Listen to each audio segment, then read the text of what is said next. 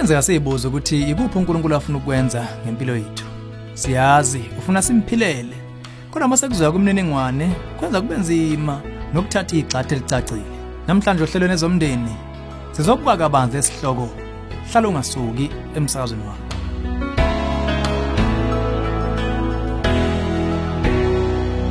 Angiphinde ngibingelele. Ezomndeni uhlelo kulethela izeluleko eziphatheka ngaba focus on the family. Omnye balele bethu ucela simphendulele umbuzo uthe Ngifuna kanjani umgodi kaNkuluNkulu uma ngibhene ingqomo ezinqala Ngama yamazwi ngingabambela kanjani entandweni yakhe ngempilo yami? Ngitsheliwe ukuthi kusemqoko ukwenza lokhu futhi ngiyakholwa ingxenye yakho kuliqiniso ngeshwa angazi ukuba ngiqale kanjani. Ngifuna ukumnika iqholo ngakho konke engikwenzayo kodwa kukho sengitshele khona ngokuphatheka nokucacile ukuthi lokho kuzoba kanjani. Angaze ngimuzwe futhi uNkulunkulu ekhuluma kimi ngephimbo elizwakalayo njengakuMose. Ningangisiza? Ekuqaleni nje asisho ukuthi ayikho impendulo eqondile engqo ngombuzo wakho. Impendulo engaba ngemfushana ukuthi ngokwethu kasina kuyilungisa thina lenkinga. Kumele kube nguwe oyilungisayo. Lokho ungakwenza ngokholo nomthandazo kanjalo nokuhamba eduze nenkosi. Uyothola intando kaNkuluNkulu ngempilo yakho enkashana uba yilo muntu uNkulunkulu afuna ube nguye.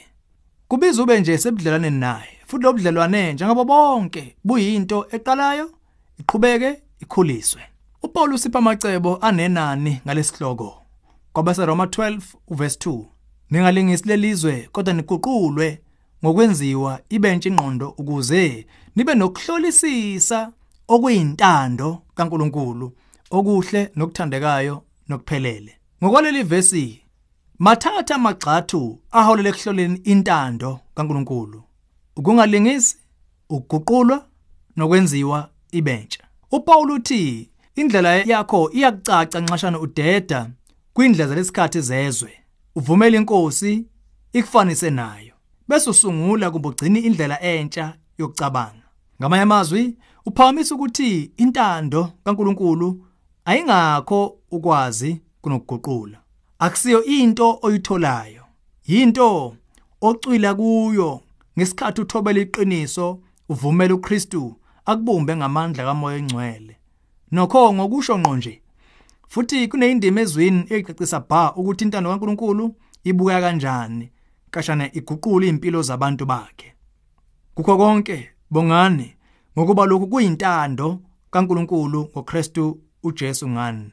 1 Thessalonika 5 verse 18 ngokuba injalo intando kaNkuluNkulu kuba ngokwenza okuhle nithulise ungazi kwabantu abayizula. 1 Petru 2 verse 15 ngokuba kuhle ukuhlupheka ngokwenza okuhle uma kuyintando kaNkuluNkulu kunokwenza okubi. 1 kaPetru 3 verse 17 kunokutetana okucacile kulamavesi intando eqondile kaNkuluNkulu ube luhlobo oluthile lomuntu olalelayo obongayo onezibele onothando.